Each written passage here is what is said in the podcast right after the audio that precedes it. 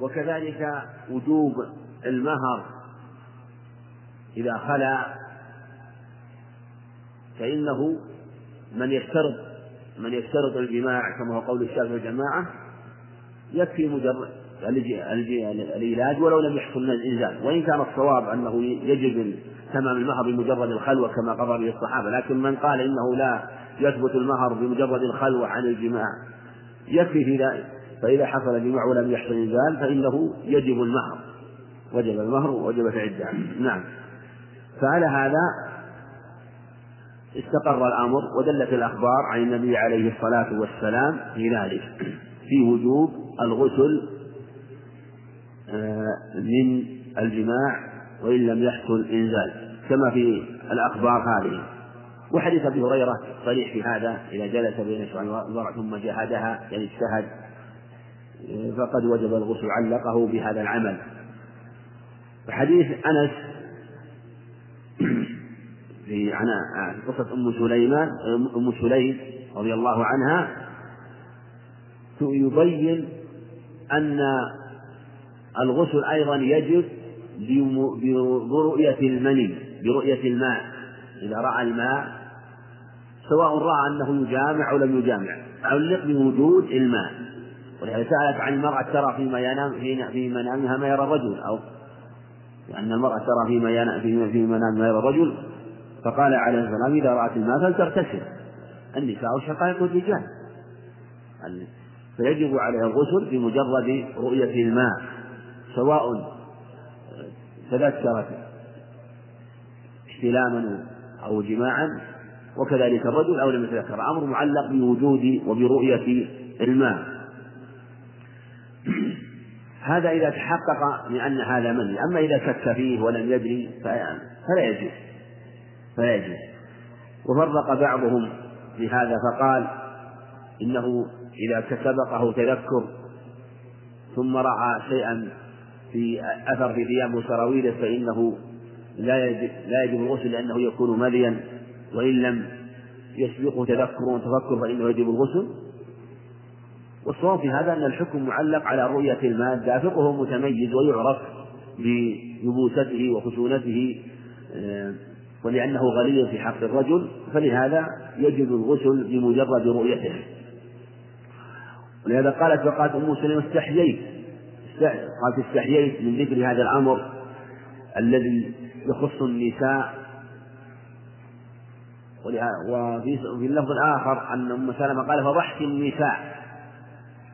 فضحت النساء حيث أخبرت بهذا الأمر وهو أمر يخص النساء أو لأنه قليل في حق في حق النساء وهو خروج الماء, الماء منها ورؤيته. لهذا قال من أين يكون الشبه؟ يعني أنها كالرجل بل جاء في الخبر أن الماء أن الولد يخلق من الماءين من ماء الرجل والمرأة. وجاء في لفظ عند أحمد أن أنه أن العصب واللحم من ماء الرجل وأن اللحم والدم من ماء المرأة لأن ذاك غليظ وأبيض وذاك ومن المرأة رقيق أصفر. كما في هذه الرواية إن ماء الرجل غليظ أبيض وماء المرأة رقيق أصفر. ويقال فأيهما على أو سبق؟ أيهما على أو سبق يكون منه الشبه. وهذا أيضا يبين أنه من الماءين أنه منه.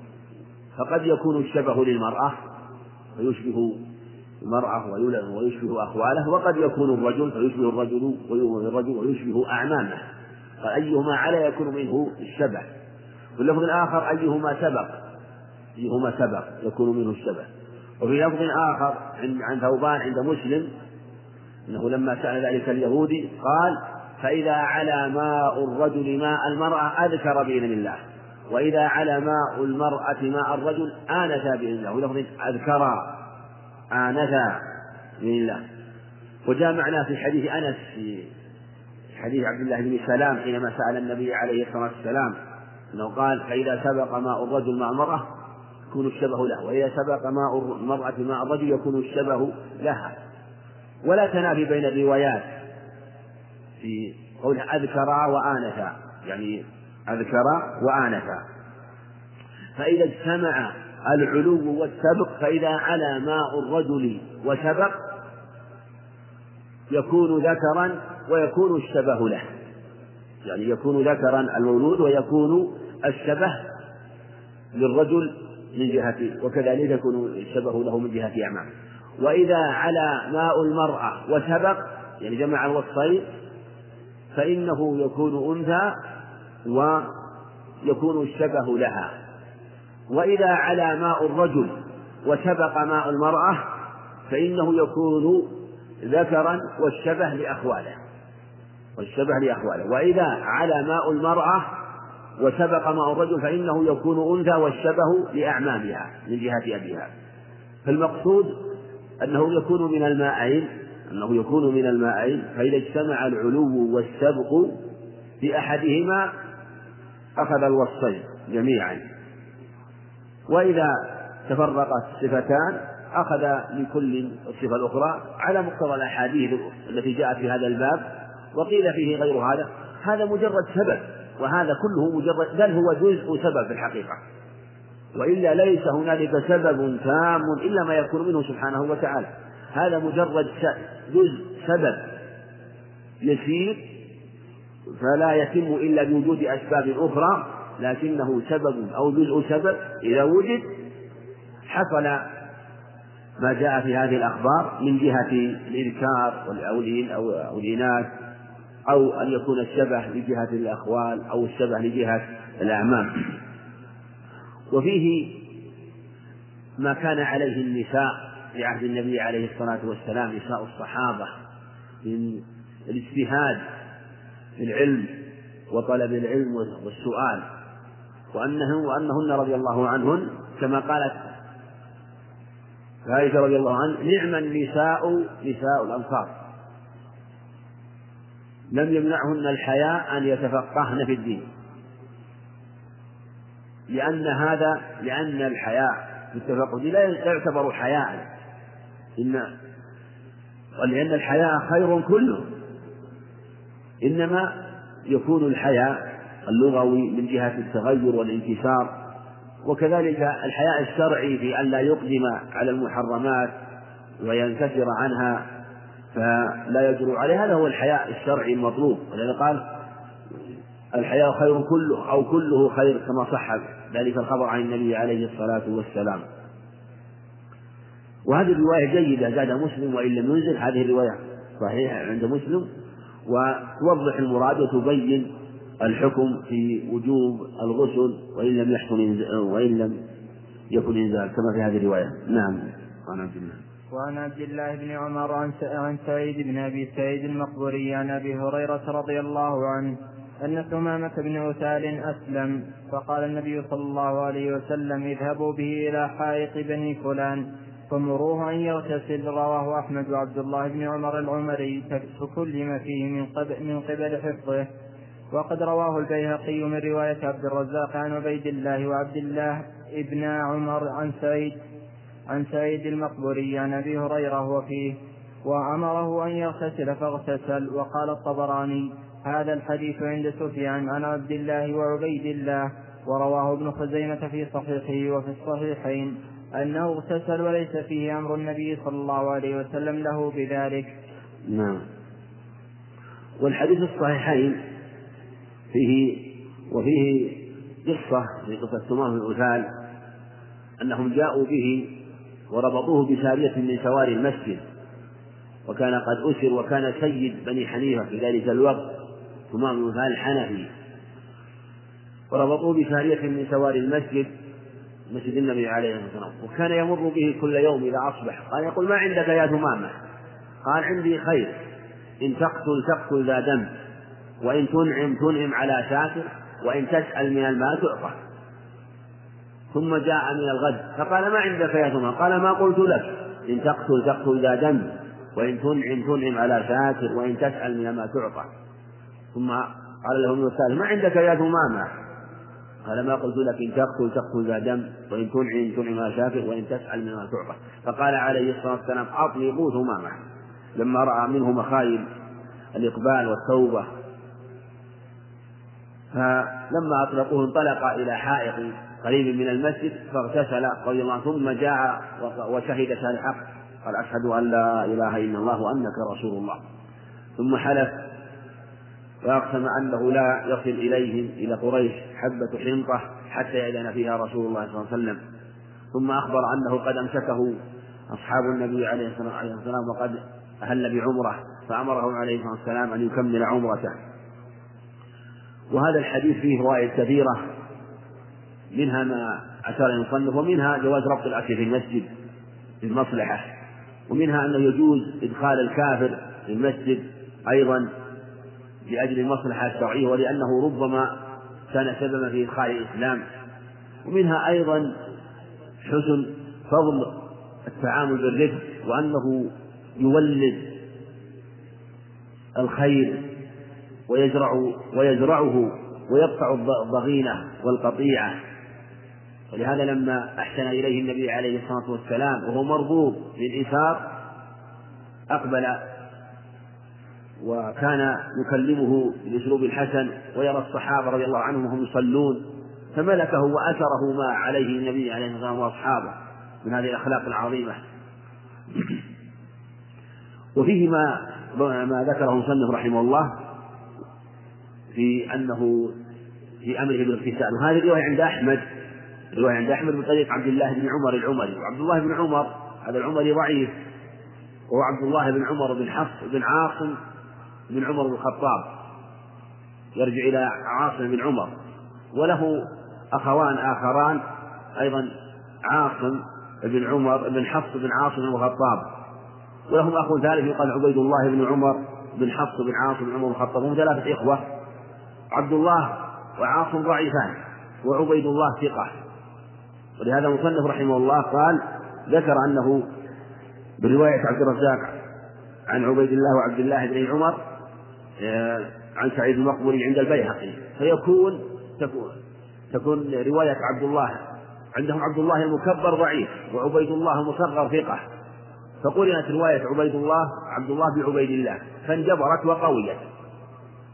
وقد رواه ابن خزيمة بإسناد صحيح في الأمر بالاغتسال. الحديث الصحيحين لكن الصحيح أنه اغتسل بنفسه من تلقاء نفسه لم يؤمر بذلك.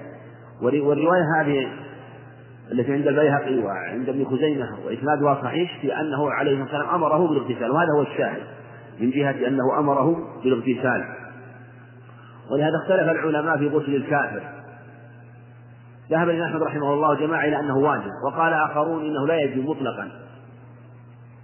وقال آخرون إنه يجب إن أجنب في حال كفره.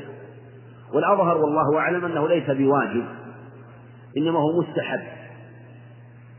وفي حديث قيس بن عاصم التميمي المنقري أنه عليه الصلاة والسلام كما رواه أبو الترمذي وغيره قال ألق عنك شعر الكفر واختتم وأن وفيه أنه أمره بالإغتسال أمره أن يغتسل.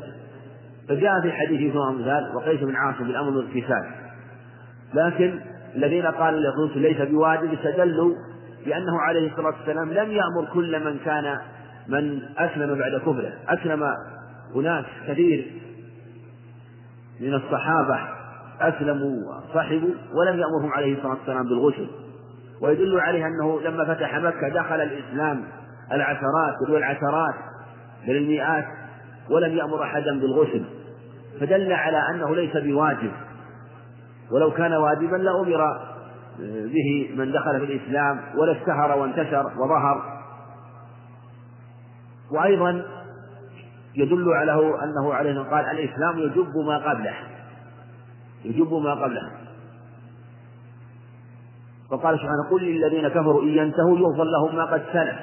فكل ما كان في حال الكفر قد جب وقد زال وذهب. ويدخل في من ضمن ذلك الاغتسال وأنه ليس بواجب لكن لو اغتسل فهو أفضل وأكمل لأمر النبي عليه السلام ثمامة وقيس بن عاصم. وهذه قاعدة.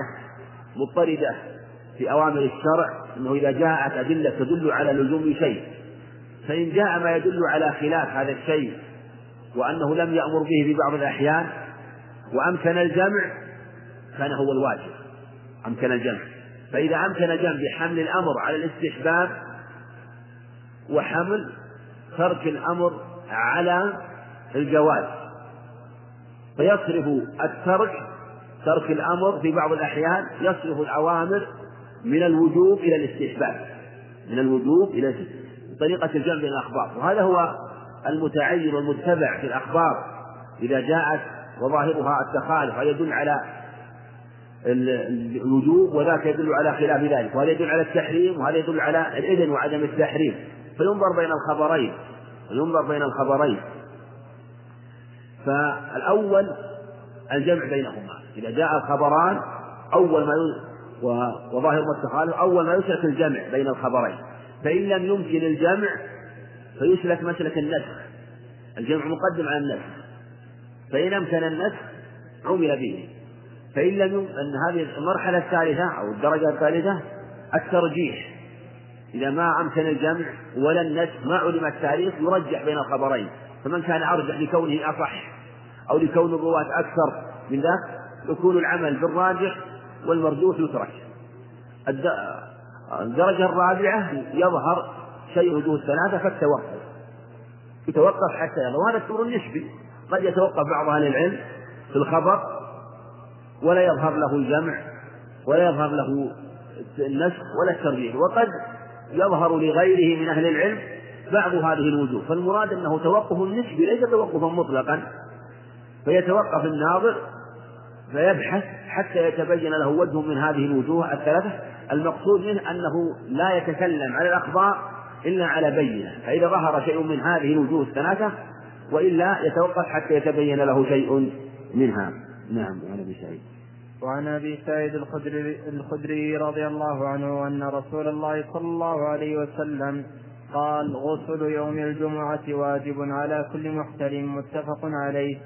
وعن الحسن بن سم وعن الحسن عن سمرة قال قال رسول الله صلى الله عليه وسلم من توضأ يوم الجمعة فبها ونعمت ومن اغتسل فالغسل أفضل. رواه أحمد وأبو داود والنسائي والترمذي. وقال حديث حسن وروى بعضهم قسادة عن الحسن عن النبي صلى الله عليه وسلم هذا الحديث مرسلا. وعن عائشة رضي الله عنها أن النبي صلى الله عليه وسلم كان يغتسل من أربع من الجنابة ويوم الجمعة. والدار قطني وابن خزيمة والحاكم وإسناده على شرط مسلم ورواه الإمام أحمد ولفظه قال قال يغتسل من أربع وقال البخاري يغتسل. نعم. قال يغتسل من أربع وقال البخاري رواه رواة هذا الحديث كلهم ثقات. وتركه مسلم فلم يخرجه ولا أراه تركه إلا لطعن إلا لطعن بعض الحفاظ فيه. وقال الإمام أحمد في رواية مصعب بن شيبة روى أحاديث أحاديث مناكير. نعم. هذا الخبر صحيحين. عن أبي سعيد الخدري قال غسل يوم الجمعة واجب على كل محتلم وظاهر الحديث أن الغسل واجب كما في هذا الخبر. وهذا ذهب إليه جمع من أهل العلم وقالوا بوجوب الغسل. وقالوا إن الوجوب صريح في كلمة الواجب صريحة فيه وأنه أمر لازم ومتعين على كل محتلم. لأن المحتلم هو المكلف المأمور بذلك. وفي لفظ عن ابن عمر أنه عليه الصلاة والسلام قال من أتى منكم الجمعة فليغتسل وفي صحيح البخاري. من أتى منكم الجمعة فليغتسل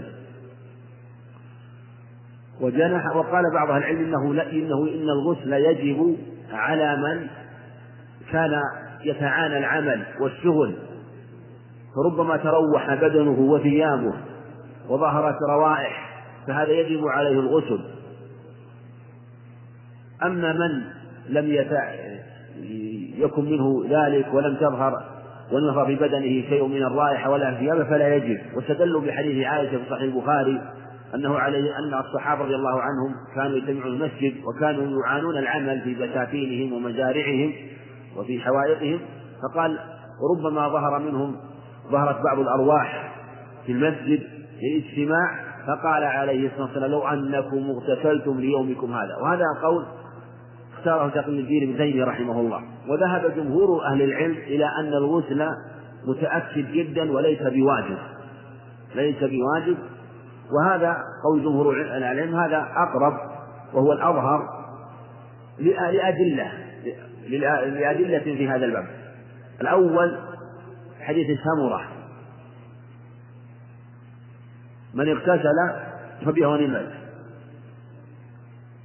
في حديث الحسن عن عن عن سمرة من توضأ يوم الجمعة فبها نعمة ومن اغتسل فالغسل أفضل. من اغتسل فالغسل أفضل. وجاء له شاهد عن أنس رضي الله عنه. وجاء أيضا شواهد أخرى في هذا الباب تشهد بهذا اللفظ. والحسن عن سمرة فيه انقطاع رواية الحسن عن سمرة معروفة. وجمع من العلم قالوا إنها منقطعة مطلقا وقال آخرون بالسماع أنه سمع منه مطلقا. وفصل اخرون واختيار البخاري وقال سمع منه أحاديث العقيقه وسمع منه أيضا أحاديث اخر فالصواب أن ما صرح فيه بالسماع فإنه يكون مسموعا وما لا فلا. فحديث سمرة في هذا الباب يدل على أن الغسل ليس بواجب. قال من توضأ فبها ونعمت يعني فبالخصلة أخذ أو بالسنة أخذ. ومن اغتسل فالغسل أفضل جعله أفضل. والحديث بشواهده يكون باب الحسن لغيره على طريقة بعض أهل العلم. ومما يدل أيضا على عدم الوجوب يدل على عدم الوجوب ما رواه مسلم في صحيحه عن أبي هريرة أنه قال أنه عليه الصلاة والسلام قال من توضأ يوم الجمعة ثم ذهب إلى الجمعة فلم يفرق بين اثنين غفر له إلى الجمعة الأخرى وزيادة ثلاثة أيام. ذكر الوضوء قال من توضأ. وهذه على القاعدة التي سبقت أنه إذا جاء الخبران احدهما يدل على الوجوب والآخر يدل على الاستحباب عدم يدل على عدم عدم عدم الوجوب وعدم اللزوم. يصرف هذا الخبر ذاك الذي يدعو الوجوب من من الوجوب واللزوم إلى الاستحباب أو التأكد وأيضا مما يدل على عدم الوجوب ما رواه ما اتفق عليه الشيخان في قصة عمر رضي الله عنه لما أنه كان يخطب فدخل عثمان رضي الله عنه فقال أية أية ساعة هذه؟ قال لم أزد على أن توضأت ثم حضرت. قال أي فقال والوضوء أيضا يعني تتوضأ الوضوء. وقد علمت أن رسول الله كان آه، وقد كان رسول الله صلى الله عليه وسلم يأمر بالغسل ولم يأمره بالرجوع مع أنه قال كان يأمر بالغسل. فإذا ضمنت هذا الخبر مع حديث أبي سعيد الخدري دل على أن أمره بالغسل أمر استحباب وتأكد وليس للوجوب لأن الأوامر قد تأتي للاستحباب والتأكد ولا تأتي للوجوب. فهذا هذا واقع في الشريعة كثيرا يأتي الأمر فيكون للاستحباب والتأكد وقد يكون للوجوب. فقال وقد كان وقد كان يأمر بالغسل ولو كان واجبا لأمره بالرجوع. لأمره بالرجوع خاصة في مجمع في مجمع الصحابة. وبعضهم استدل به على الوجوب لأنه قطع الخطبة وقال له ما قال. لكن استدلال على عدم الوجوب أظهر فهذه الأخبار وما جاء في معناها يدل على أن الغسل ليس بواجب كما ذهب إليه جماهير أهل العلم ومنهم من حكى اتفاق لكن ليس في المسألة اتفاق الحقيقة. آه، إنما هو قول جماهير أهل العلم وإلا قال بعضهم بالوجوب على ظاهر حديث أبي سعيد الخدري. وحديث عائشة رضي الله عنها أنه في الغسل من أربع من الجنابة والحجاب ومن غسل الميت ومن ومن ويوم الجمعة. ويوم الجمعة. هذه الأركان الأربعة الجنابة واضح أن الغسل منها واجب وسيأتي ذكر الأخبار في هذا الباب. ويوم الجمعة سبق ذكر الكلام فيه وأنه متأكد جدا وأنه من آكد الأغسال آه، التي يشرع الاغتسال فيها ومن الحجامة الحجامة يستحب الغسل منها لأنها ربما أضعفت البدن. وقد جاء في حديث أنس أنه عليه الصلاة والسلام احتجم ولم يتوضأ رواه الدار قطري وهو ضعيف من طريق صالح المقاتل. لكن الخبر إن صح دل على أنه يغتسل من أربع أن هذا أن هذا هو الواقع في الشرع. وقد يستدل به على الوجوب من جهة الإخبار عن الواقع في الشرع في الشرع. إذا كان قال يغتسل أما إذا أخبرت أنه كان يغتسل فهو مجرد فعل. وهو مجرد فعل فلا يدل على الوجوب. على ظاهر الرواية عند أبي داود وغيره أنه كان يغتسل هذا لا يدل على الوجوب. ومن غسل الميت سبق معنا أن غسل الميت يستحب الغسل منه وليس بواجب الأدلة اللي وردت في هذا الباب من قول ابن عباس وابن عمر أنهم لم يكونوا يغتسلون غسل الميت وقصة أسماء عند مالك الموطأ أنها استفتت الصحابة رضي الله عنهم وقالت هذا يوم شديد البرد وأنا صائمة فلم يأمرها بالغسل. والحديث كما آه، ذكر مصنف من طريق مصعب بن شيبة من طريق مصعب بن شيبة هو وهو الذي روى حديث عائشة في خصال فطرة عشر من الفطرة من طريق مصعب بن شيبة وفيه بعض اللين وسبق قلنا وفي حديث بعض النكارة كما قال الإمام أحمد رحمه الله سبق قلنا إن من كان في حديث شيء من النكارة إذا روى شيئا رواه غيره فإنه يدل على أنه حدث أما إذا انفرد بشيء فإن هذا مما يتوقف به خاصة ومن ذلك الحجامة فإن ليس لها فهي فرض وليس لها شهر يدل على مشروعية الغسل منها. لكن إذا قيل باستحباب الغسل من جهة أنه يعيد للبدن نشاطه وقوته فهذا أمر حسن لورود الخبر في هذا الباب. نعم. باب أحكام الحدث الأكبر.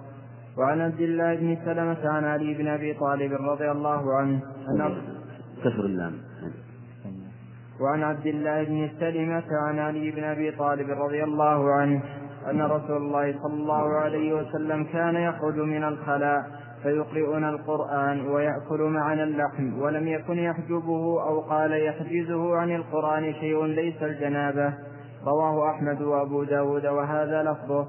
وابن ماجة والنسائي والترمذي ولفظه كان رسول الله صلى الله عليه وسلم يقرئنا القرآن على كل حال ما لم يكن جنبا.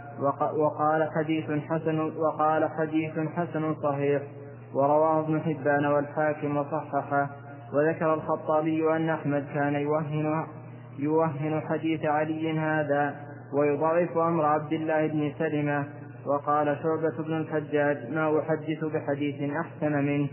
نعم وفي وهذا الخبر فيه أن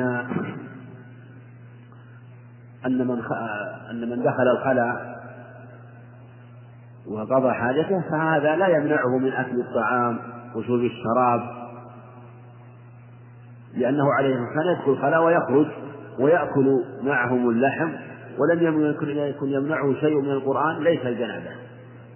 ليس الجنابة كما قال علي رضي الله عنه يحجزه أو يمنعه شيء من القرآن ليس الجنابة. وهو بطريق عبد الله بن سلمة وفيه بعض اللين.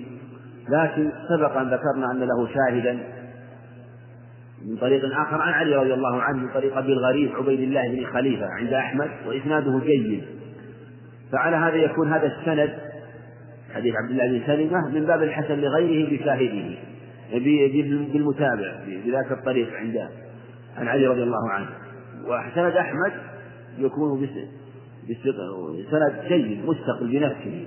فهو حديث جيد ويدل على أن الجنب لا يقرأ القرآن ويدل على أن من خرج من الخلاء لا يلزمه أن يغسل يديه إذا كانتا نظيفتين وليس فيهما نجاسة. إنما السنة أن يغسل يديه إذا كان جنبا وهذا هو القول الأظهر في غسل اليدين متى يشرع غسلهما للأكل؟ إذا كان جنبا إذا كان جنبا يشرع أن يغسل يديه. أو إذا إذا أراد أن يأكل أو إذا أراد أن يشرب يشرع أن يغسل يديه. وإذا خرج من الخلاء فإذا غسل يديه لا بأس بذلك خاصة إذا كان عليهم أذى لكن لا يتأكد كما يتأكد مثل ما إذا كان جنوب لأن الجنابة تحل البدن كله والحدث يحل ببعض الأعضاء وهو فهو أيسر وأخف من الحدث الأكبر. وثبت في حديث ابن عباس أنه عليه الصلاة والسلام خرج من الخلاء وقدم إلى طعام فقيل تتوضأ قال ما أريد الصلاة فأتوضأ. أريد الصلاة فأتوضأ أو قال هل أردت الصلاة فأتوضأ.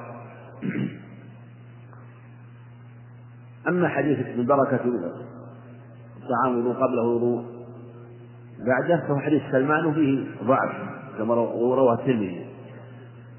وفيها أيضا في هذا الخبر كما سبق أنه عليه الصلاة والسلام لم يكن معه أو يحدثه القرآن شيء ليس الجنابة يعني إلا الجنابة ليس معنى إلا. فإنه إذا كان جنوبا لا يقرأ القرآن. وهذا سبق أيضا قلنا إن الجنوب لا يقرأ شيئا من القرآن لكن لا بأس أن يذكر الله. كما في حديث علي كما في حديث عائشة عند مسلم وعند البخاري معلقا مجزوما كان يذكر الله على كل أحيانه وإن كان الأفضل في حال الذكر أن يكون حال طهارة كاملة. وإلا فهو يجوز إلا في قراءة القرآن فيجب إذا أراد أن يقرأ القرآن يتطهر. إلا إذا قرأ القرآن لا على سبيل الذكر على سبيل التعود على قرأ آية على سبيل التعود أو على سبيل قراءة كما يقرأ ورده فهذا لا بأس به. نعم. وعن ابن عمر رضي الله عنهما قال قال رسول الله صلى الله عليه وسلم لا تقرأ الحائض ولا الجنب شيئا من القرآن. رواه ابن ماجه والترمذي وقال لا نعرفه إلا من حديث إسماعيل بن عياش وقد رواه الدار قطني من غير طريقه وضعفه الإمام أحمد والبخاري وغيرهما وصوب أبو حاتم وقفه وقال إنما هو عن ابن عمر قوله. نعم. وهذا الحديث حديث لا تقرأ أو لا يقرأ الحائض والجنوب شيئا من القرآن حديث ضعيف من إسماعيل بن عياش عن جريج وإسماعيل بن عياش عن حجازي ضعيف. بل قال بعضهم قال تقي الدين ابن تيمية رحمه الله إنه ضعيف باتفاق أهل المعرفة. هو حديث ضعيف. ولذلك جنح جمع من العلم إلى أن الحكم في الحائض غير الحكم في الجنوب. أما الجنوب فالأمر واضح. من حديث علي رضي الله عنه لا يقرأ شيئا من القرآن. أما الحائض فاختار جمع من العلم إلى أنها تقرأ القرآن لأن حدثها ليس باختيارها وإن كان مثل الجنابة أو أغلظ من الجنابة لكن ليس الحدث باختيارها وليس في الطهارة باختيار ليس نزول الحدث باختياره وليس فهو أمر يعني دم طبيعة وجبلة دم طبيعة وجبلة وله أيام محددة ينزل فيها وربما تقدم وربما تتأخر وربما تعاني المرأة بعض الأدوية فيحصل بعض التغير لكن المقصود أنه أن نزوله أمر متع... يعني أمر واقع في حق المرأة. فلهذا قال لا بأس أن تقرأ القرآن ولا تمنع من القرآن. أما المس لا لأنها تحتاج إلى قراءة القرآن وتحتاج إلى مذاكرته ومراجعة ما تحفظ وكذلك قراءة القرآن فهي بحاجة إليه. وقال تقي الدين رحمه الله إنه إن النساء كن يحضن في عهده عليه الصلاة والسلام ولم ينهى ينهاهن النبي عليه الصلاة والسلام عن ذلك ولم يأتي في خبر أنه نهي الحال عن قراءة القرآن. وقال عليه الصلاة والسلام لعائشة افعلي ما يفعل الحاج غير أن لا تطهر البيت حتى تطهري. والحاج يقرأ القرآن. فدخل في هذا العموم كل جميع الأعمال التي يعملها الحاج ومنها قراءة القرآن إلا من هو الطواف بالبيت. فدل على أنها تقرأ القرآن. فلهذا رخص للحائض بهذه الأدلة ولأن هذا الخبر لا يثبت. نعم. وعن أبي سعيد الخدري رضي الله عنه قال قال رسول الله صلى الله عليه وسلم إذا أتى أحدكم أهله ثم إذا أتى نعم إذا أتى. إذا أتى أحدكم أهله ثم أراد أن يعاود فليتوضأ بينه فليتوضأ بينهما وضوءا. رواه مسلم وقد اعتل وقد اعتل. وزاد الحاكم باسم وقد نعم أعل أعل هذا الصواب. نعم. وقد أعل وزاد الحاكم بإسناد صحيح فإنه أنشط فإنه أنشط للعود. وقال الشافعي قد روي فيه حديث وإن كان مما لا يثبت مثله وأراد حديث أبي سعيد هذا. وقال البيهقي لعله أراد حديث ابن عمر في ذلك.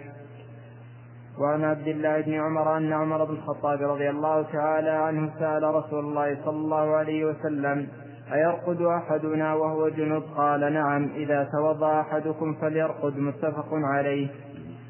وعن عائشة رضي الله عنها قالت كان النبي صلى الله عليه وسلم إذا أراد أن ينام وهو جنب غسل فرجه وتوضأ وضوءه للصلاة.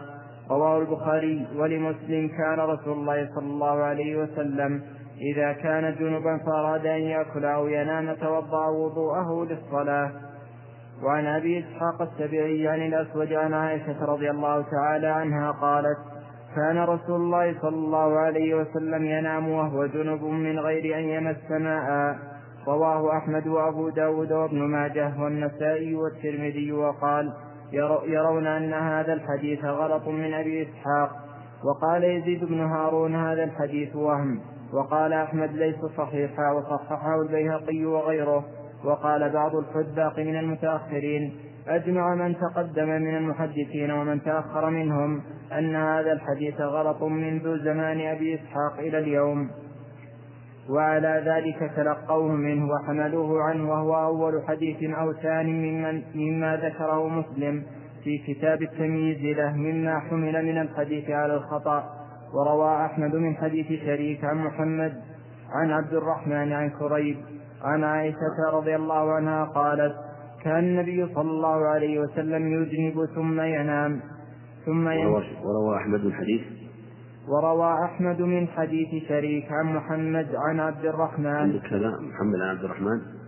التصوير نعم. عن من حديث شريك عن محمد بن عبد الرحمن. عن محمد بن عبد الرحمن عن كريب عن عائشة رضي الله عنها قالت كان النبي صلى الله عليه وسلم يجنب ثم ينام ثم ينام ثم ينتبه ثم ينام ولا يمس ماء وإسناده غير قوي. نعم و حديث ابن سعيد الخدري رضي الله عنه في مشروعية الوضوء إذا أراد أن يعاود إذا أتى أحدكم أهله ثم أراد أن يعود أو أو قال أن يعاود فليجعل بينهما وضوءا فليتوضأ. بينهما وضوءا. عند الحاكم فإنه أنشط للعود وهي له جيدة. والرسول عليه الصلاة والسلام كان ربما جامع نساءه بغسل واحد كما في حديث أنس. ف وربما اغتسل بين يعني جامع ثم اغتسل غسلا كاملا. فالأكمل والأفضل أن يكون الغسل. هذا الأكمل والأفضل الغسل. إذا أراد أن يعاود مرة ثانية ويليه الوضوء يليه الوضوء فإن يتوضأ بينهم وضوءا. ولو والحالة الثالثة ألا يكون غسل ولا وضوء وهو جائز. وفي حديث أبي رافع عند أبي داود أنه عليه الصلاة والسلام جامع نساءه فاغتسل عند كل واحدة. ثم قيل في قال إنه أزكى وأطيب وأطهر. أزكى وأطيب وأطهر يغتسل عند كل واحدة. ولهذا قال فإنه أنشط للعود قد يدل على أنه ليس بواجب الوضوء ومن باب الغسل لأنه علله بالنشاط.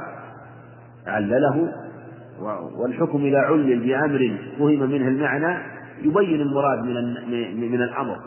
وأن الأمر لأجل هذه المصلحة وطلب وطلب النشاط مثل هذا ليس أمرا واجبا إنما أمرا من الأمور المستحسنة والمطلوبة فلهذا يكون الوضوء مستحبا وأفضل منه الغسل كما فعل عليه الصلاة والسلام. وفي حديث وحديث عبد الله بن عمر في نوم الجنوب. قال أيرقد أحدنا وهو جنوب؟ قال نعم إذا توضأ. إذا هو توضأ. إذا توضأ هنا إذا توضأ أحدكم فليرقد. هذا جاء في معنى عدة أخبار. وهو أن الجنوب إذا أراد أن أن ينام فليتوضأ. كما أنه إذا أراد أن يعاود الجماع فليتوضأ. وإذا أراد الأكل فالأفضل أن يتوضأ وكذلك الشرب. لكن يكفي غسل اليدين. وقد ثبت في صحيح مسلم أنه عليه الصلاة والسلام إذا كان جنوب فأراد أن يجامع أو يأكل توضأ عليه الصلاة والسلام. وجاء عند النسائي وغيره أنه كان أنه كان إذا أراد أن يأكل غسل يديه. هذا يبين أن الأكل والشرب أن أمره أخف من النوم والجماع وأن وأنه إذا أراد أن يعاود فالسنة الوضوء والأكمل الغسل. وإذا أراد النوم فإنه يتوضأ. أما الأكل فالأفضل أن يتوضأ لكن ليس تأكده كتأكد النوم إذا أراد أن ينام ولا إذا أراد أن يعاود. وكذلك الشرب أيضا إذا أراد أن يشرب. لكن الأكل آكد من الشرب. فهي مترتبة. آكدها ألا ينام إلا على وضوء. ثم يليه معاولة الجماع. وهو يلي النوم. ولا ينام له. ثم يليه الأكل. ثم يليه الشرب. وهذه من الآداب الحسنة. والأفعال الجميلة بما كان يعتني به عليه الصلاة والسلام ويوصي بأمته فصلوات الله وسلامه عليه. ما من خير إلا دل بالأمة عليه. قال عليه الصلاة والسلام ما من طريق كما في صحيح مسلم ما من طريق يقربكم إلى الجنة إلا وقد إلا وقد دللتكم عليه. وما من طريق يقربكم إلى النار إلا وقد حذرتكم منه. فإذا كان قد بين هذه الأمور اليسيرة عليه الصلاة والسلام في في هذه الأشياء فكيف بالأمور الكبار العظام؟ فلا شك أن بيانها أعظم وأكمل وأتم فصلوات الله وسلامه. لم يمت إلا وقد ترك الأمة على البيضاء. ليلها كنهارها لا يزيغ عنها إلا هالك. وفي هذا الخبر أنه قال فل فليتوضأ يعني إذا أراد أن ينام فليتوضأ. عليه أن يتوضأ ثم ينام. لكن هل هذا واجب؟ ذهب بعض العلم إلى الوجوب. وقال آخرون له ليس بواجب لكنه متأكد. وهذا أقرب بدليلين. الدليل الأول ما عند ابن خزيمة وابن حبان بإسناد جيد. قال ويتوضأ إذا شاء وكل الأمر إلى المشيئة. ويتوضأ إذا شاء. هذه الزيادة دليلة تدل على أنه أنه مستحب أو متأكد وليس بواجب. ودليل آخر أيضا هذا الخبر الذي ذكر عن عائشة أنه عليه الصلاة والسلام كان ينام وهو جنوب ولا يمس ماء. وهذه نكرة في سياق النهي ولا يمس ماء نكرة في سياق في سياق النفي قد قد تقول أين النفي؟ أين النفي؟ نقول الفعل المضارع المنفي لأن الأفعال عندهم في حكم النكرات. الأفعال عندهم في حكم النكرات فهو نفي. وبعضهم قال إن هذا من باب العام وخص منه الوضوء. لكن ظاهر الحديث يدل على عائشة خبر عائشة يدل على أنه لا يمس ماء مطلقا لأنها أوردته في مقام البيان. وهذا الخبر اختلف فيه وهو معلول عند جماعة من العلم لأنه من طريق أبي إسحاق عن الأسود وقالوا إنه لم يسمعه منه. وجزم جماعة من العلم بأنه غلط. وعلى طريقة هذا الحديث هو في الحقيقة غلط. وغير محفوظ. ولهذا ذكر عن بعض الحذاق قال وقال بعض الحذاق من المتأخرين أجمع من تقدم من المحدثين ومن تأخر أن هذا الحديث غلط. أجمع يعني أجمع متأخروهم ومتقدمون أن هذا الحديث غلط. وهذا الذي ذكر عنه هذا ابن مفوز أبو بكر ابن مفوز أحد الأئمة الحفاظ وحذاق الحفاظ. ذكر هذا الخبر لكن بعضهم جود هذه الرواية كالبيهقي. وعلى كل حال إن لم, تثبت هذه الرواية من جهة السند وكذلك من الدلالة فالرواية الأخرى عند ابن خزيمة جيدة في هذا الباب تدل على أنه ليس بواجب. وكذلك حديث أحمد اللي أنه عليه الصلاة والسلام ينام وهو ثم ينتبه ولا يمس ماء من طريق شريف وشريف بن عبد الله النخعي في ضعف لكنها شاهدة في الباب لقول الجمهور أنه ليس بواجب. نعم. باب صفة الغسل. وعن عائشة رضي الله عنها قالت كان رسول الله صلى الله عليه وسلم إذا اغتسل من الجنابة يبدأ فيغسل يديه ثم يفرغ بيمينه على شماله فيغسل فرجه ثم يتوضأ وضوءه للصلاة ثم يأخذ ثم يأخذ الماء فيدخل أصابعه في أصول الشعر حتى إذا رأى أن قد استبرأ حفن على رأسه ثلاث حفنات ثم أفاض على سائر جسده ثم غسل رجليه متفق عليه. وهذا لفظ مسلم وفي لفظ أن النبي صلى الله عليه وسلم اغتسل من الجنابة فبدأ فغسل كفيه ثلاثا وفي لفظ لهما ثم يخلل بيده شعره وفي لفظ للبخاري حتى إذا ظن أنه قد أروى بشرته وفاض عليه الماء ثلاث مرات. وعن ميمونة زوج النبي صلى الله عليه وسلم قالت أدنيت لرسول الله صلى الله عليه وسلم غسله من الجنابة فغسل كفيه مرتين أو ثلاثا ثم أدخل يده في الإناء ثم أفرغ على فرجه وغسله بشماله ثم ضرب بشماله الأرض فدلكها دلكا شديدا ثم توضأ وضوءه للصلاة ثم أفرغ على رأسه ثلاث حسنات ملء كفه ثم غسل. ثم غسل سائر جسده ثم تنحى عن مقامه ذلك. فغسل رجليه ثم أتيته بالمنديل فرده. وفي رواية وجعل يقول بالماء هكذا ينفضه متفق عليه. وهذا لفظ مسلم. وفي رواية للبخاري وجعل ينفض الماء. وفي رواية للبخاري أيضا. ثم غسل فرجه ثم قال بيده على الأرض فمسحها بالتراب. ثم غسلها ثم تمضمض واستنشق ثم غسل وجهه ويديه وأفاض على رأسه ثم تنحى فغسل قدميه. وفي رواية له ثم أفاض الماء على جسده ثم تحول من مكانه فغسل قدميه. وعن أم سلمة زوج النبي صلى الله عليه وسلم قالت يا رسول الله إني امرأة أشتد إني امرأة أشد ضفر ضفر رأسي. أفأنقضه لغسل الجنابة؟ قال لا. إنما يكفيك أن تحسي على رأسك ثلاث حثيات ثم تفيضين عليك الماء فتطهرين. وفي رواية أفأنقضه للحيضة؟ والجنابة فقال لا رواه مسلم. وعن عائشة رضي الله عنها أن أسماء وهي بنت وهي بنت شكل سألت النبي صلى الله عليه وسلم عن غسل الحيض فقال تأخذ إحداكن ماءها وسدرتها فتطهر, فتطهر. فتحسن الطهور ثم تصب على رأسها فتدلكه دلكا شديدا حتى تبلغ شؤون رأسها ثم تصب عليها الماء. سدرتها ولا سدرها؟ سدرتها. نعم. نعم حتى تبلغ شؤون رأسها. حتى تبلغ شؤون رأسها ثم تصب على ثم تصب عليها الماء ثم تأخذ فرصة ممسكة فتطهر بها فتطهر بها.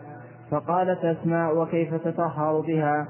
فقال سبحان الله تطهرين بها. فقالت عائشة كأنها تخفي ذلك. تتبعين أثر الدم وسألته عن غسل الجنابة فقال تأخذ ماء فتطهر فتحسن الطهور أو أو تبلغ الطهور ثم تصب على رأسها فتدلكه حتى تبلغ شؤون رأسها ثم تفيض ثم تفيض عليها الماء. فقالت عائشة نعم النساء نساء الأنصار لم يكن يمنعهن الحياء أن يتفق أن يتفقهن في الدين رواه مسلم.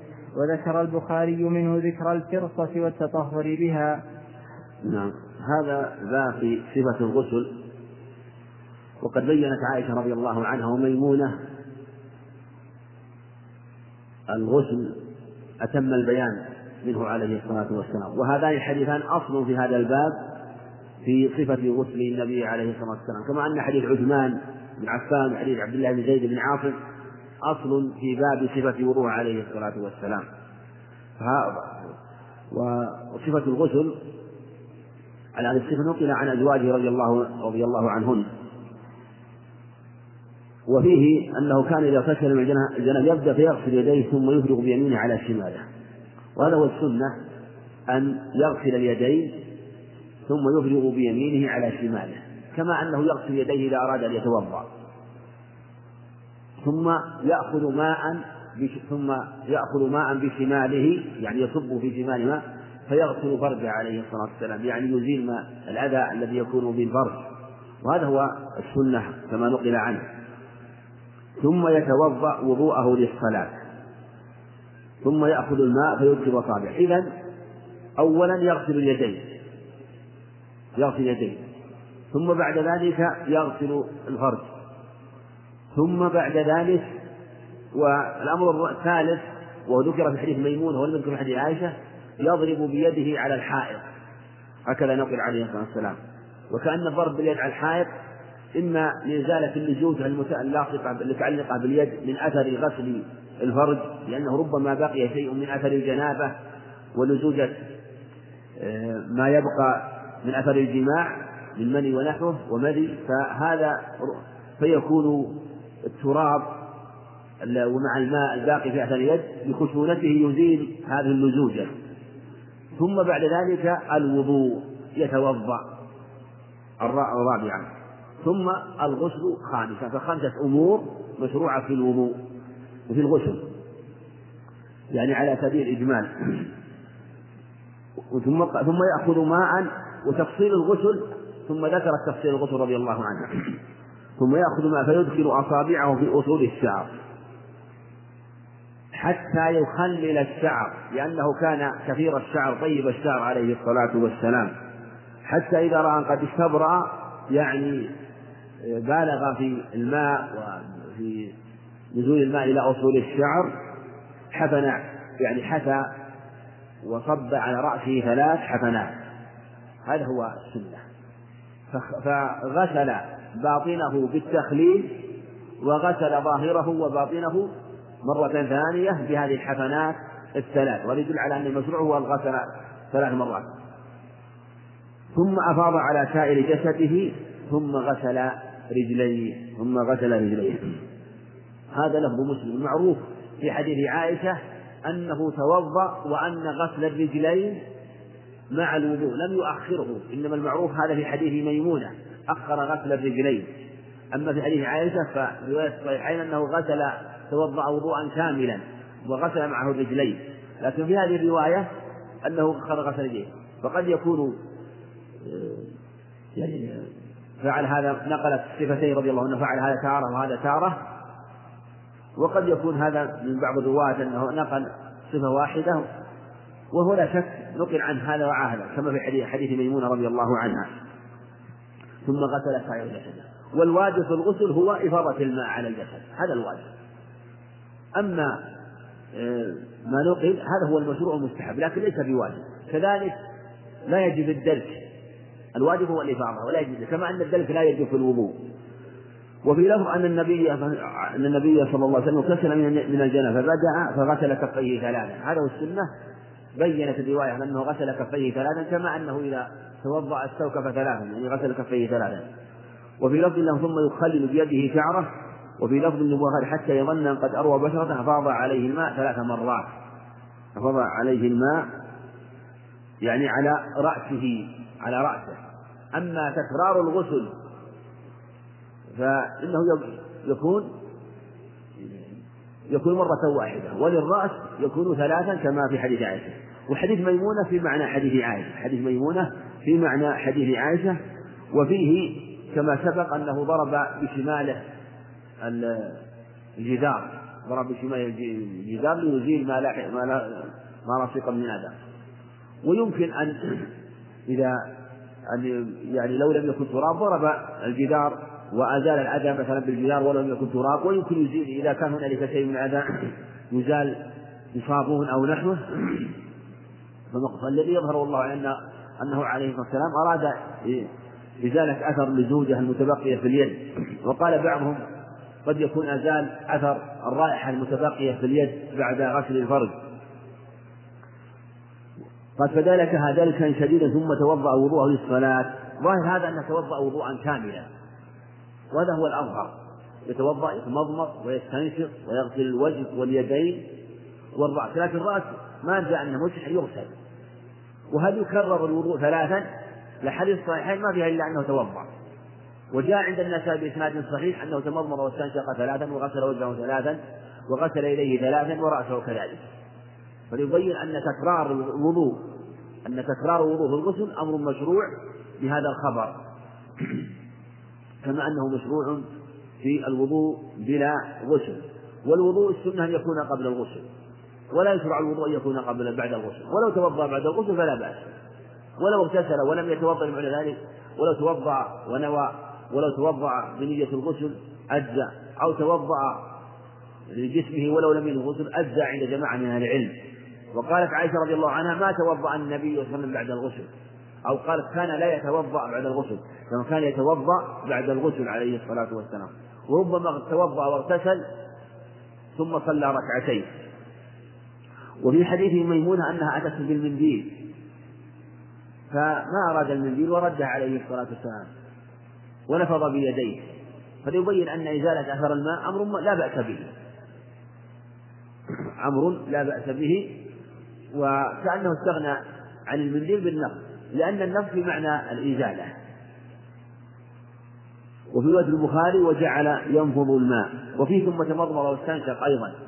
هذا يبين أن المضمضة والاستنشاق واجبان في الوضوء كما هما واجب واجبان في الغسل كما هو واجبان في الوضوء وهذا هو الصحيح.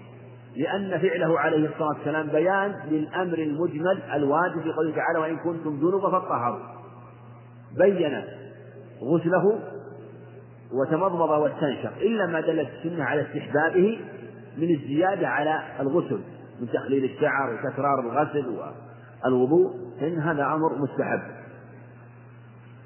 وفي حديث ميمون أنه غسل قدميه عليه الصلاة والسلام بعد ذلك. وهذا يبين أنه ترك غسل قدميه لأنه إذا كانت الأرض فيها طين فسوف يحتاج إلى غسل قدميه.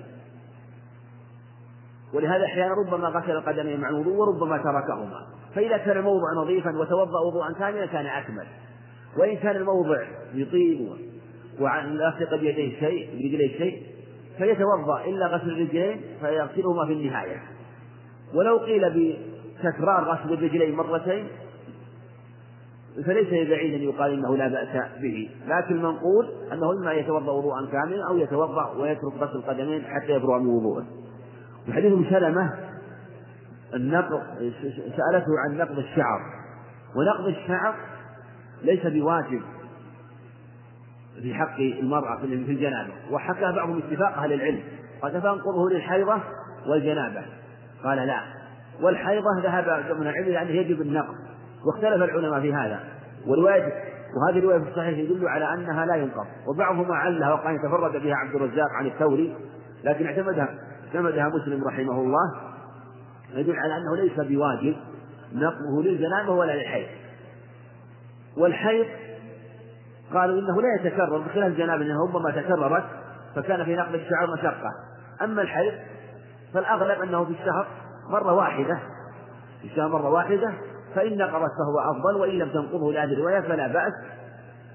وجاء أنه أمر عائشة رضي الله عنها في العمرة لما أرادت لما حاضت وأرادت أن تدخل الحج العمرة أمرها أن تنقض شعرها.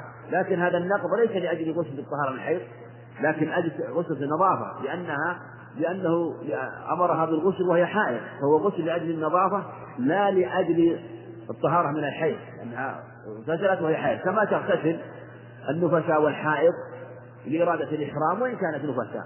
فكذلك لما أراد أن تدخل الحج عن عمرة أمرها عليه الصلاة والسلام أن تنقض شعرها وأن تغسله وأن تدخل الحج عن العمرة فهو ليس ليس الغسل غسل طهارة من جنابة بل هو غسل لأجل إدخال نسك على نسك إدخال الحج على العمرة. حديث اسماء بنت شكل بن حميد هذا المعنى لكن فرق بين غسل الحيض والجنابة فأمرها بغسل الحيض أن تدلك شعرها دلكا شديدا حتى تبلغ شؤون رأسها وهذا استدل به من قال إنه يجب النقض لأن قال حتى تبلغ شؤون رأسها.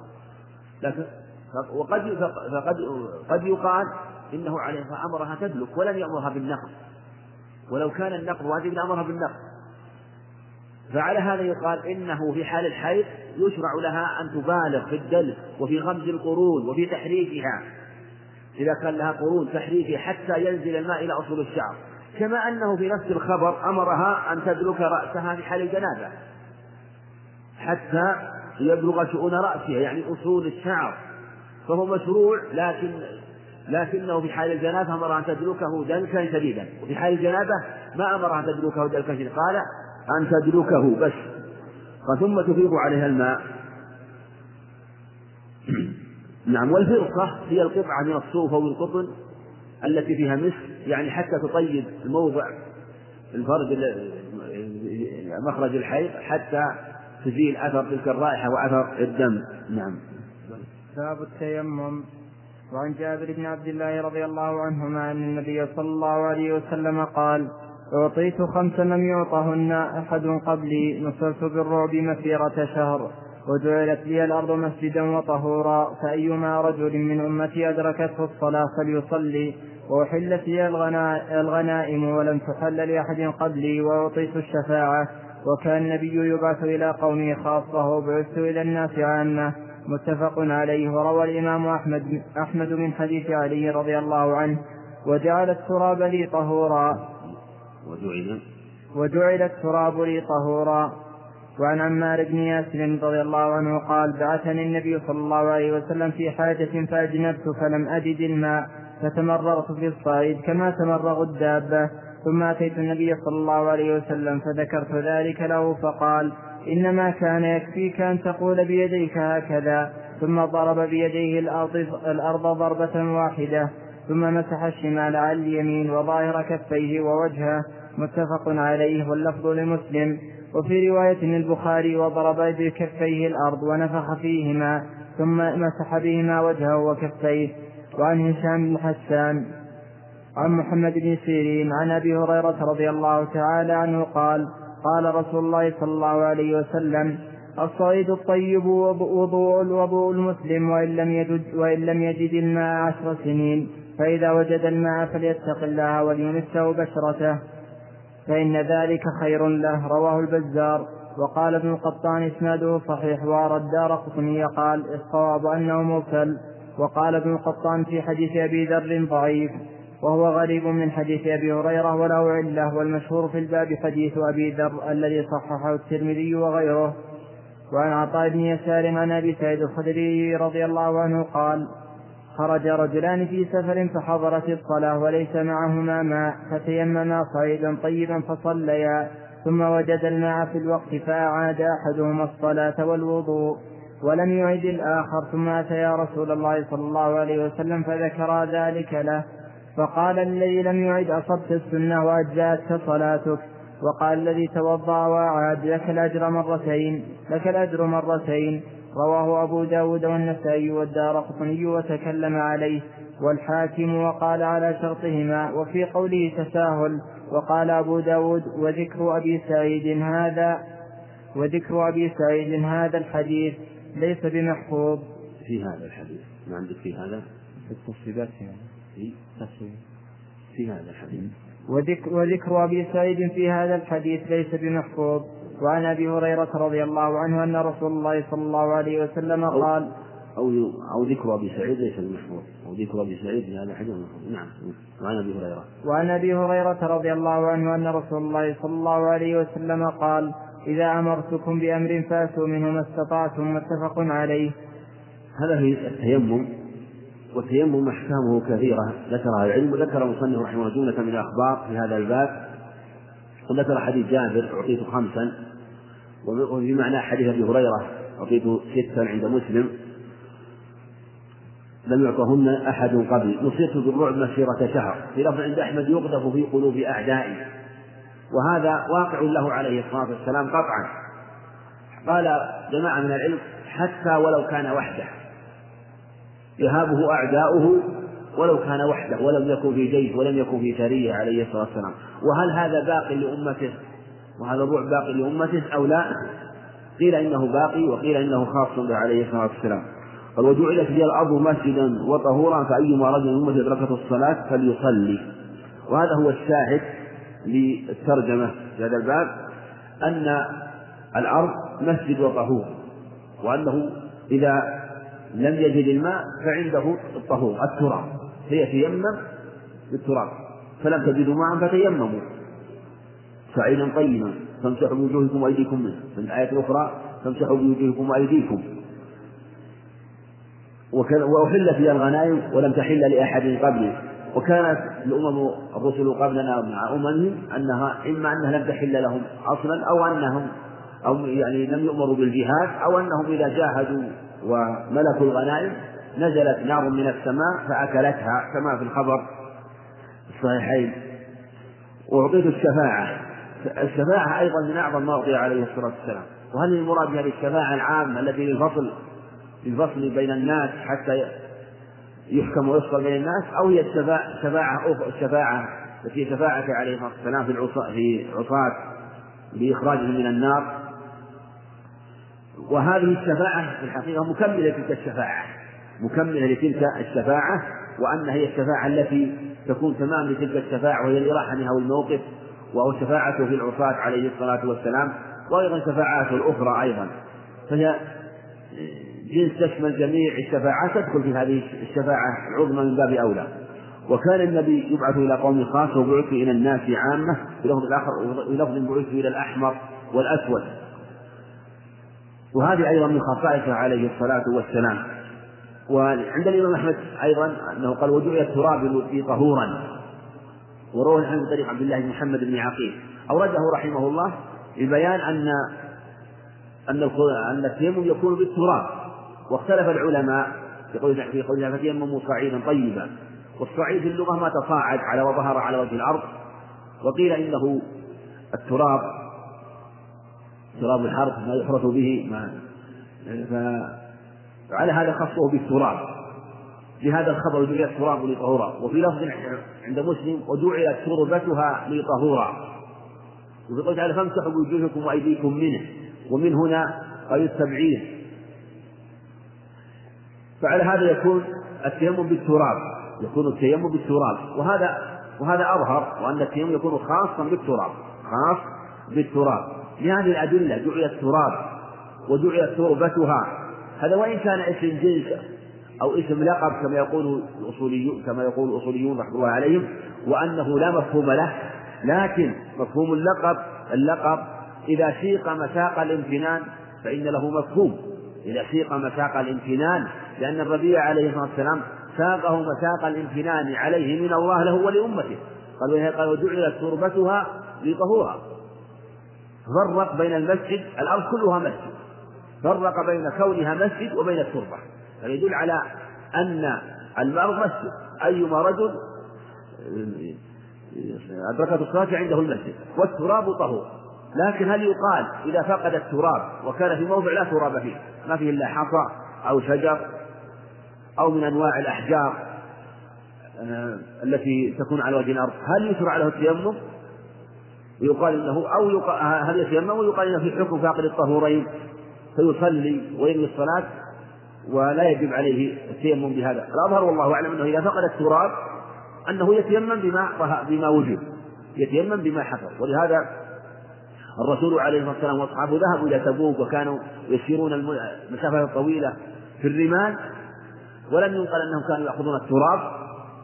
ف وكان وكانوا يباشرون الأرض. يباشرون الأرض. دل على أن التيمم يكون بما تيسر فالأصل هو التراب. وإذا فقد التراب فإنه يكون فقد التراب يكون بما تيسر بما تصاعد وظهر على وجه الأرض من حجر أو غيره. وحديث عمار فيه أنه لما أجل تمرغ كما تتمرغ الدابة كانه رضي الله عنه قاس التيمم على الوضوء لأن المتوضأ إذا فقد الماء تيمم بعضوين باليدين والوجه فقاس الجنابة على على الوضوء. فلما كان التيمم في محل أعضاء الوضوء محل عضوين من أعضاء الوضوء ألحق الجنابة من هذه الجهة فتمرغ وأراد أن يتمرغ بالتراب آه، ويمس بدن جميع, بدنه التراب. ثم بين له النبي عليه الصلاة والسلام ذلك وأنه يضرب ضربة واحدة. ضربة واحدة ويمسح وجهه وكفيه. ضربة واحدة. وهل وهل يجب ضربتان أو ضربة؟ الصواب أنه لا يجب إلا ضربة واحدة لحديث عمار هذا صريح ضربة واحدة وحديث أبي جهيم ظاهر في أنها ضربة واحدة وإن لم يكن صريحا. أما حديث ضربتين فهي إما ضعيفة حديث إلى نصف الذراع ضعيف وحديث إلى المرفقين ضعيف وحديث إلى المنكبين جيد لكن كل فعل كان من الصحابة كان قبل أن يبين لهم ذلك. ثم بين لهم عليه الصلاة والسلام أن المسح يكون مطلق يعني قالوا أيديكم فامسحوا بوجوهكم وأيديكم. والقاعدة أن اليد إذا أطلقت ولم تقيد فيقتصر إلى الرسل ولهذا في الوضوء لما أراد التقييد قال وأيديكم إلى المرافق. قيدها إلى المرافق. فاليد في عند الإطلاق تكون من رؤوس الأصابع إلى الرسل منتهى الكف من جهة الذراع. وعند التقييد إذا أريد غير الكف فإنه يقيد. قال أي وأيديكم إلى المرافق. فإطلاق الآية يدل عليه. إطلاق الآية يدل عليه.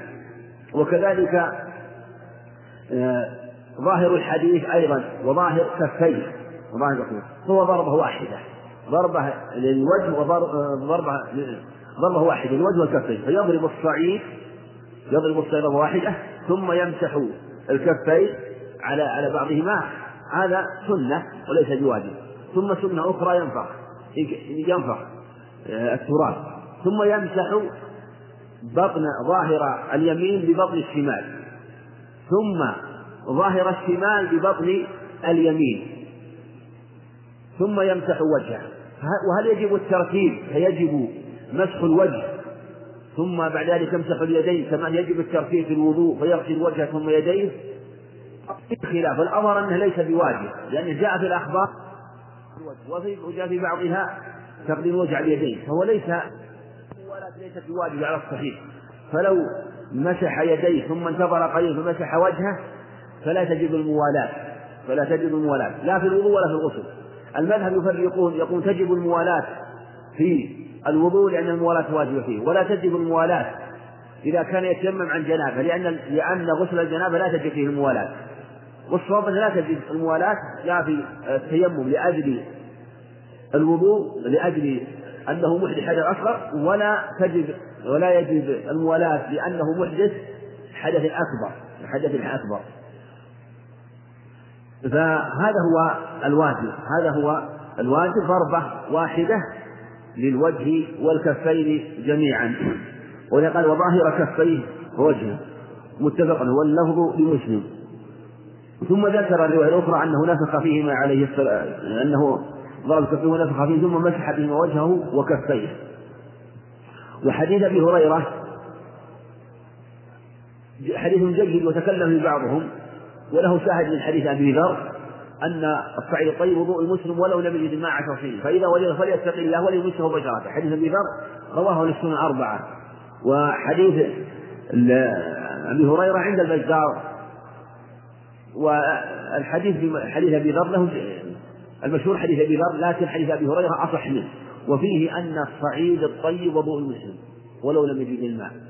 وهذا دليل لقول أبي حنيفة الذي يقول إن التيمم يرفع الحدث وليس مبيح خلافا للجمهور لأنه سماه وضوء سماه طهور ثم هو بدل يقوم مقام المبدل وهو الماء. فعلى هذا إذا توضأ إذا تيمم إذا تيمم فإنه يكون متطهرا حتى يحدث ولو خرج الوقت إلا إذا وجد الماء إذا وجد فليتق الله. فإن وجده قبل الصلاة بطل وضوءه بطل تيممه. وإن وجده في أثناء الصلاة فيه خلاف والصحيح أنه يبطل. إذا كان وجده قبل الفراغ منه لقوله عليه الصلاة والسلام فإذا وجد الماء فليتق الله وليمسه بشرته. ولأنه وجد الشرط قبل الفراغ من المشروط. قبل الفراغ من المشروط وهو الصلاة. أما إذا وجده بعد الفراغ من الصلاة ولو قبل خروج الوقت الصحيح أن صلاته صحيحة. وحديث أبي سعيد الخدري فيه أيضا أن من وجد من لم يجد الماء فيتيمم وإذا صلى تمت صلاته. وإذا وجد الماء بعد الصلاة كما سبق فصلاته صحيحة. ولهذا في هذا حديث جيد في هذا الحديث أن أحدهما أعاد الوضوء أعاد أنه توضأ وصلى توضأ وصلى لأنه نظر إلى أنه وجد الماء قبل خروج الوقت. والآخر قال نظر إلى أنه تيمم وصلى وفرغ من الصلاة وجد الماء بعد فرغ من الصلاة. فسأل النبي فلما أتي إلى النبي عليه الصلاة والسلام قال للذي صلى توضأ وصلى لك الأجر مرتين. وقال الذي لم يصلي لم يعد الصلاة لك أصبت السنة. ولا شك أن الذي أصاب السنة أفقه وأعلم. فلهذا آه، يكتفي بما وقع منه. ولو كان قبل خروج الوقت كما كما قال عليه الصلاة والسلام حيث قال أصبت السنة والله أعلم. وصلى الله وسلم وبارك على نبينا محمد. أحسن الله إليك. يقول السائل ذكرت أن الحائض لا يجوز لها قراءة القرآن ولكن ما هي شروط قراءتها للقرآن أثابكم الله؟ نعم. ما هي شروط قراءة الحائض القرآن يعني. الحائض مثل ما سبق لا تقرأ القرآن لكن لا تمس المصحف. لا تمس المصحف بل تقرأه عن ظهر تقرأه عن ظهر قلب. لكن لو أمسته مثلا بجورب أو يعني ما تلبسه ما تلبسه في يدها أو ولم تباشره فلا بأس بذلك. فالمقصود أنها تقرأ القرآن وليس هنالك شروط.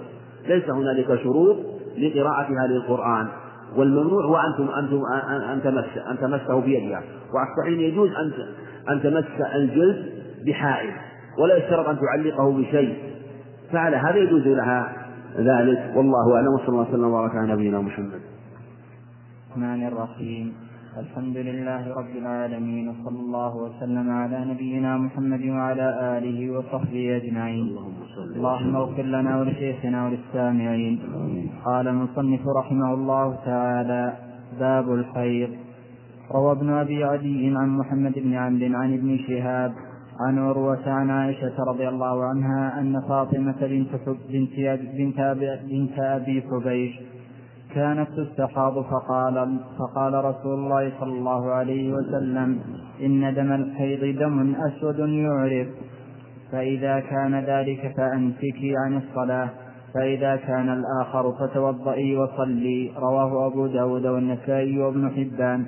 والدار قطني وقال رواته كلهم ثقات والحاكم وقال على شرط مسلم. وقال النسائي قد روى هذا الحديث غير واحد. فلم يذكر أحد منهم ما ذكر ابن أبي عدي وقال أبو حاتم لم يتابع محمد بن عمرو على هذه الرواية وهو منكر. نعم الحمد لله رب العالمين والصلاة والسلام على نبينا محمد وعلى آله وأتباعه وأصحابه بإحسان إلى يوم الدين. أما بعد في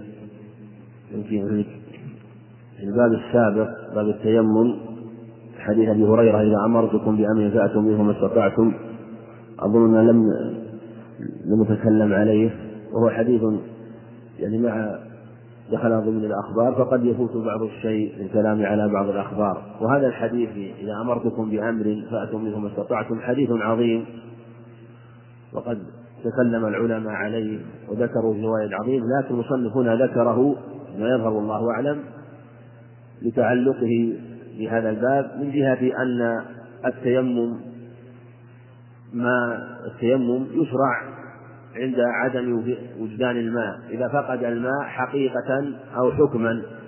فإذا فقد الماء بأن لم يجده حسا وليس موجود انقطع الماء عنه.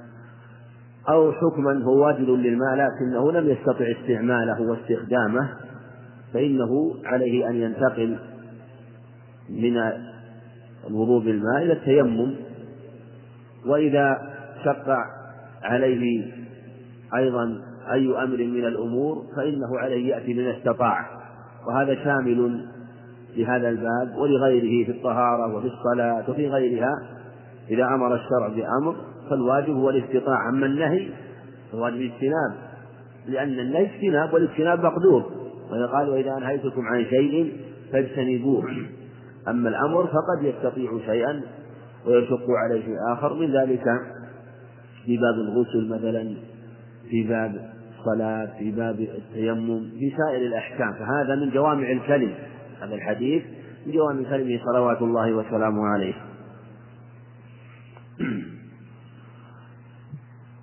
يقول رحمه الله باب الحيض. باب الحيض من أهم أبواب الفقه ومن أكثره مسائل. وما ومن سمع سؤال النساء في هذا تبين له شيء من هذا. وقد اعتنى الفقهاء رحمة الله عليهم ببيان هذا الباب وبيان مسائله. وجاءت الأخبار أصولا في هذا الباب في بيان أحكام مسائله. ومن نظر في أخباره وتمعن فيها تبينت له هذه المسائل ولأنه يختلف الحكم من واحدة إلى أخرى خاصة حينما تضطرب على المرأة عادتها وتختلف أو تزيد أو تنقص أو غير ذلك. حتى حتى قال بعض الفقهاء من الأئمة إنه من عويص أبواب الفقه لاختلاف مسائله لذلك يشرع العناية بهذا الباب ومعرفة مسائله خاصة في حق المرأة في تعلم ما تيسر منه لأن باب الحيض متعلق بالطهارة وبالصلاة وبالحج وبالاعتكاف وبالقراءة وكذلك بالعدة وفي باب الخلع. والطلاق فهو متعلق بأبواب عظيمة وكثيرة فلهذا كان معرفة هذه مسائل هذا الكتاب وهذا الباب من أهم الأشياء. والله بحكمته ورحمته جعل هذا الدم ودم الحيض جعل الدم غذاء للطفل. إذا حملت المرأة انصرف هذا الدم وتحول بإذن الله إلى غذاء للطفل فإذا وضعت المرأة خرج منه ما فضل وتنفست المرأة وخرج معها دم النفاس. ثم بعد ذلك إذا أرضعت انصرف هذا الدم غذاء للطفل. ولهذا الحامل قلما تحيض وإن حاضت على الصحيح أنه يجوز أن تحيض. إذا ثبت ذلك ولم يضطرب. ثبت عند المرأة عادة مستقرة في الحمل الصواب أنه أن حيضها ممكن بالواقع. و ولهذا لكنه قليل ولهذا قلما تحيض تحيض الحامل. وكذلك المرضع حيضها قليل. حيضها لا تحيض المرضع. فإذا خلت المرأة من الحمل والرضاع خرج هذا الدم في أوقات معلومة كل شهر في حق المرأة. وليس المراد الشهر والشهر لا لكل امرأة شهر خاص. كل امرأة لها شهر خاص. فشهر المرأة هو الزمان الذي يجتمع لها فيه دم وطهر. هذا هو شهرها. قد يكون شهرها مثلا خمسة خمسة عشر يوما. قد تحيض ثلاثة أيام وتطهر اثني عشر يوما.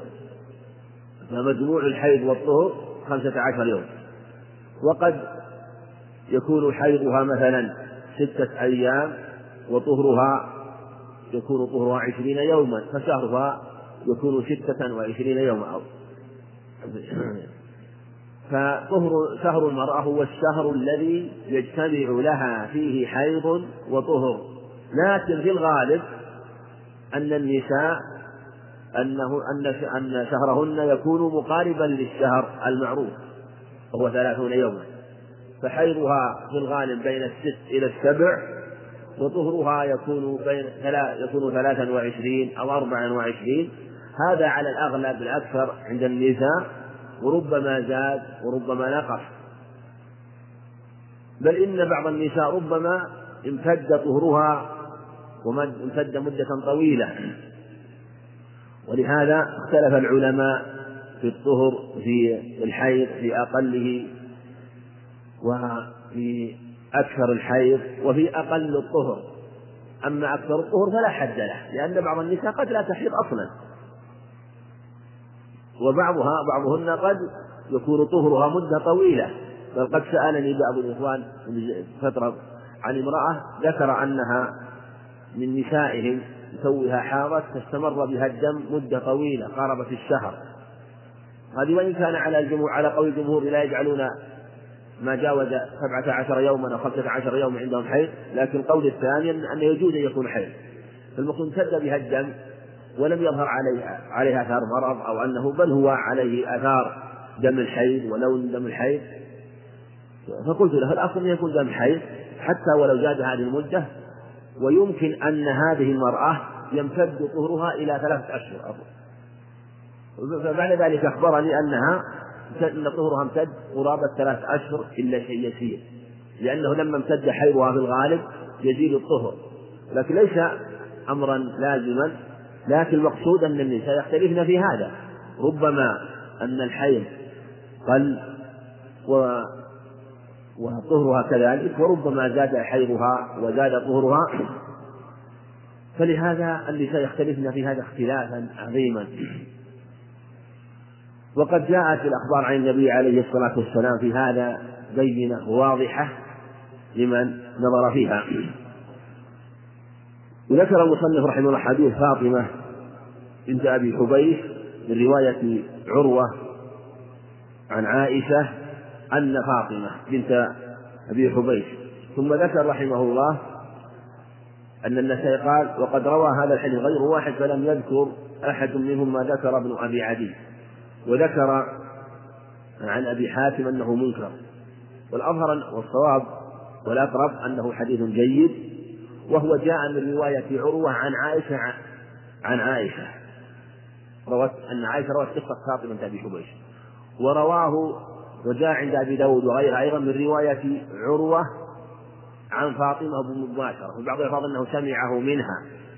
سمعه من رواية عروة عن فاطمة. والذي استنكره من استنكره عدم ذكر عائشة وقالوا إنه من رواية عروة عن فاطمة. وقالوا إنه منقطع. وأن الصواب فيه أنه من رواية عروة عن فاطمة لا من رواية عروة عن عائشة أو من رواية عروة عن عائشة عن فاطمة. ومن رماه بالانقطاع فقوله ضعيف مرجوح بل هو قول بل هو آه، لا بل إن سماعه منه بل إنه سمع من فاطمة وسمع من عائشة رضي الله عنها. فرواه تارة هكذا وتارة هكذا. فهي من قصة فاطمة تارة روتها وحدثت وحدثت بعروة وتارة أخذته عائشة وأخذه عنهما جميعا عن عن عائشة وعن فاطمة. فهو حديث جيد. وأصل حديث فاطمة في الصحيحين. حديث فاطمة بن حبيب في الصحيحين أنها ذكرت أنها امرأة تستحاض ولا تطهر فقال عليه الصلاة والسلام إنما ذلك عرف فإذا أقبلت الحيض فدعي الصلاة وإذا أدبرت فاغسلي عنك الدم وصلي المعروف في الصحيحين أنه وكل أمرها إلى العادة إلى العادة وأحالها على العادة. وجاء في هذا اللفظ أنه أحالها على التمييز. التمييز. وقد يكون وقع لها الأمران العادة والتمييز. فعلى هذا نقول يقال في هذا الحديث أن المرأة إذا امتد بها الدم واختلط عليها وامتد ولم ينقطع تكون مستحاضة لأن الاستحاضة غير الحيض. الحيض هو دم يخرج مع المرأة من قعر الرحم في أيام معدودة معلومة من الشهر. أيام معلومة معدودة من الشهر. أما الاستحاضة فهي والحيض دم دم طبيعة وجبلة. أما الاستحاضة فهي دم دم دم مرض. ويخرج من فم الرحم ومن أدنى الرحم لا من قعر الرحم من عرق يقال العادل أو العاذر. من في حق المرأة. فعلى هذا المرأة إذا كان عادتها مضبوطة ومضبوطة وغير مضطربة فحيضها معروف معلوم. حيضها معروف معلوم. تحيض هذه المدة. تحيض ستة أيام تبقى ستة أيام. سبعة أيام تبقى سبعة أيام. ولو أن حيضها تقدم أو تأخر أو زاد أو نقص. حتى ولو انتقلت العادة بالكلية. إن كانت تحيض أول الشهر. ثم انتقلت عادتها إلى الثلث الثاني من الثلث الثاني مثلا العشر الأول انتقلت إلى العشر الثانية. أو أنها كانت تحيض وتطهر في اليوم مثلا العاشر من الشهر. تحيض مثلا في اليوم الخامس أو الرابع فتطهر العادة في اليوم العاشر. ففي هذا الشهر امتد بها الحيض إلى الحادي عشر. فالصحيح أن ما زال يكون حيضا ويعتبر تابع للحيض. ولو كانت عادتها ولو كانت عادتها لو كانت عادة عادتها ثلاث عادتها ثلاثة أيام. حتى ولو كانت هذه المدة مثلا ستة أيام فزادت يوما سابعا تجعل اليوم السابع حيض الأصل أن الدم الذي يخرج معه دم طبيعة وجبلة ولا يقال دم مرض واستحاضة إلا بدليل خلافا لمن قال إن المرأة عليها إذا زاد الحيض إذا زاد دم الحيض عن عادتها أنها تجلس ثلاث مرات ورتبوا على ذلك أحكام. ولهذا لم يأتي في الأحاديث أنه وكل المرأة إلى عادتها إلا في حق الاستحاضة لم يأتي أنه أمر النساء أن يلتفتن للعادة إلا في حق المستحاضة. أما غير المستحاضة فإنها لا تلتفت إلى العادة. إذا كانت امرأة ليست مستحاضة فلا تنظر إلى عادتها فإنها قد تتقدم وقد تتأخر وقد تزيد وقد تنقص وهذا أمر واضح. بل إنه كما ثبت في صحيح البخاري أنه عليه الصلاة والسلام كان معه امرأة من نسائه. فقالت وكانت معه في الخميلة تغطت معه بكساء قالت فجاءت حيضتها قالت فانسللت من الخميلة قال ما شأنك؟ قالت حرت فهذا يبين أنها كانت استنكرت و وكان جاءها على خلاف عادتها ولم يقل لها عليه الصلاة والسلام انظروا إلى عادتك التي كانت تأتيك ولا تلتفتي إلى غير ذلك. وفي حديث عائشة في الصحيحين أنها لما أحرمت بالعمرة تريد أن تمتع فجاءتها العادة. فبكت رضي الله عنها ودخل النبي عليه الصلاة وهي تبكي فأخبرته بشأنها. فأمرها عليه الصلاة والسلام حج عمرة. وأن تلبي بالحج وتدخل الحج العمرة وهذا يبين أنها رضي الله عنها أنها جاءتها على خلاف عادتها. جاءت أن العادة تقدمت عندها وجاءت على خلاف عادتها. وإلا لو كان لو كانت لم تأتي لو كانت على عادتها المعروفة لها لم تتأثر ولم تبكي لأنها أمر معتاد. وهذا أمر واضح كما سبق. فإن العادة في الغالب لا يمكن أن تنضبط في حق المرأة. بل قد تتقدم وتتقدم وقد تتأخر. ولهذا كثير من النساء تجدها مثلا في أول السنة أو في أول العام يعني في كثير منهن وإن كان كان بعضهن تثبت عند العادة. لكن في كثير من النساء تكون عادتها في أول السنة في أول الشهر. فلا تزال تتدرج في التقدم حتى تنتقل إلى نصف من الشهر. وربما وربما انتقلت إلى آخر الشهر مع مرور الأيام والشهور في عادتها. وربما مثلا تقدمت في في مرة من المرات في الشهور ثم رجعت المرة الأخرى إلى عادتها. المقصود أن أنه لم يأتي